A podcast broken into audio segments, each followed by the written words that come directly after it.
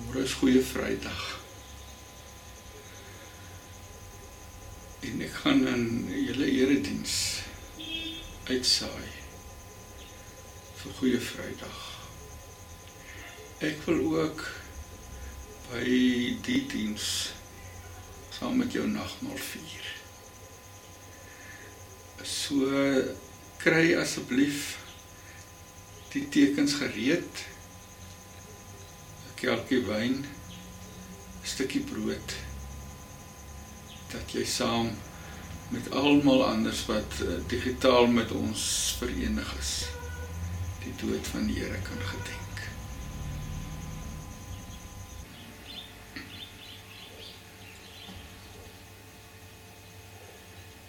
Welkom by ons groot lydensweek oordenking. Ons is nou by Donderdag. Sogenaamde Wit Donderdag in Engels Maundy Thursday. Die dag voordat Jesus gekruisig is. Die dag waarop hy vir Oula saam met sy disippels die Paasmaaltyd geëet het, die nagmaal ingestel het. Ek wil fokus op wat daarna gebeur het. Toe Jesus Getsemane toe is. Kom ons bid saam. Here, ons dankie dat ons nou weer so met u woord kan stil word. Wil u self vir ons kom aangryp ons gedagtes in ons hart gevang hou terwyl ons in gedagtes teruggaan na na u seer en u worsteling daar in Getsemane. Wees nou met ons, Here Jesus. Amen. Ek lees in Matteus 26 van vers 36 af. Daarna kom Jesus met sy disippels by 'n plek met die naam Getsemane en hy sê vir sy vir hulle: "Sit hier terwyl ek daar gaan bid." Hy het vir Petrus en die twee seuns van Zebedeus saamgeneem en toe hy het hy bedroef en beangs geword en vir hulle gesê: "Ek voel doodsbenoud. Bly hier en waak saam met my." Hy het 'n entjie verder gegaan en daar gekniel met die gesig teen die grond en gebid: "My Vader, as dit moontlik is, laat hierdie lydensbeker by my verbygaan. Moet nogtans nie doen soos ek wil nie, maar soos U wil." Daarna kom hy na die disippels toe terug en kry hulle aan die slaap en hy sê vir Petrus: "Kon julle nie eens 1 uur lank saam met my waak nie?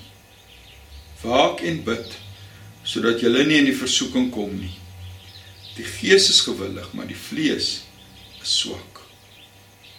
En die tweede keer het hy gaan bid en gesê: "My Vader, as hierdie lydensbeker nie by my kan verbygaan sonder dat ek dit drink nie, laat U wil geskied." Toe hy terugkom, kry hulle weer aan die slaap. Want van die vaak kon hulle nie hulle oë oop hou nie. Hy het hulle weer alleen laat bly en 'n derde keer gaan bid en dieselfde woorde gesê. Toe kom hy na die disippels toe terug en sê vir hulle: "Slaap en rus julle nog. Die uur het gekom, die seun van die mens word in die hande van sondaars oorgegee. Staan op, kom ons loop kyk. Die man wat my verraai is hier naby." Dis die woord van die Here. Ons moet verstaan dat Jesus se kruisdood nie 'n tragiese lot is wat oor op oor hom gekom het nie. Iets wat hom onverhoeds betrap het. Trouwens as ons die Bybel noukeurig lees sal ons sien dat hy presies geweet het wat gaan gebeur. Daarom ehm um, het hy vir die laaste ete saam met sy disippels die Paasmaaltyd dit so gereël dat Judas nie geweet het waar hulle gaan eet nie. Hy stuur twee ander disippels om die om die plek vir hulle reg te maak en hy sê ook vir hulle gaan soontoe of soontoe nie. Hy sê volg iemand wat met 'n kruik loop. Judas nie geweet waar hulle laaste ete gaan wees nie en daarom kon hy nie met die Joodse raad afspreek om hulle daar by die ete te betrap nie want want Jesus wou vir oulaas in vrede saam met sy disippels eet. Selfs by Getsemane as ons as ons die verhaal lees dan sien ons dat Jesus presies weet wat op hom wag. Wat ook later vir sy disippels sê staan op, kyk die man wat my verraai is naby. Jesus het geweet. Wat hier in Getsemane gebeur het is dat Jesus homself bereid moes verklaar om met hierdie plan van God deur te gaan. Wel wetende wat op hom wag. Wel wetende die onreg. Wel wetende die die vernedering. Die pyn dat hy doodgemartel sou word.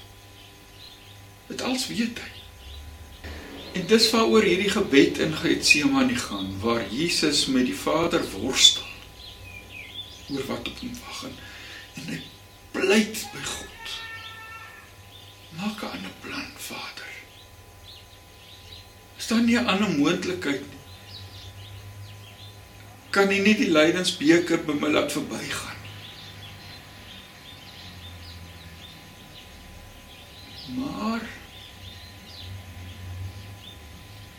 soos u wil, nie soos ek wil nie, sê hy. So hy verklaar homself in hierdie gebed bereid om God se plan eintlik te loop. Ons sien hier vir Jesus na sy mensheid, sy swakheid. Een van ons tog bereid om vir ons te kom sterf. jou en my verlossing was en is baie baie duur. Jesus het sy lewe daarvoor gegee.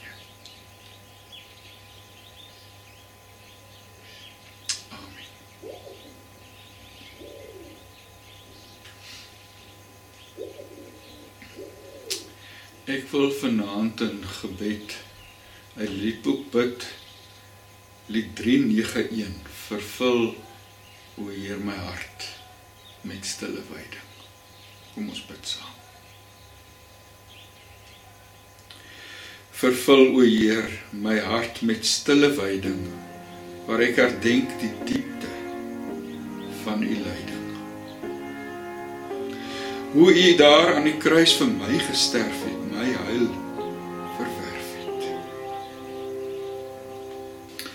Heiland, U het gelei vir ons verzoening. By God bring U vir al ons skuld voldoening. Die saligheid is deur U lydensbeker vir ons verseker. Ek sien U Heer, die lam van God, onskuldig tot in die dood gehoorsaam en geduldig. O liefde, ek aanskou in al U wonde die vloek van sonde. U leiding breek my trotse hart en rede. Dit buig my neer en skep in my u vrede. Dit bring die heil wat my God se teestander tot vriend verander. Net deur u offer word ons skuld vergewe. Sou ek dan na my eie wil nog lewe? Sou ek nie Heer waar u so swaar moes ly nie my hart u wy nie. As ek beangs en skuldig voor u bewe dan laat u kruis o heer my hoop herlewe. Aan u o heiland leidsman vors van vrede my dank gebede. Amen.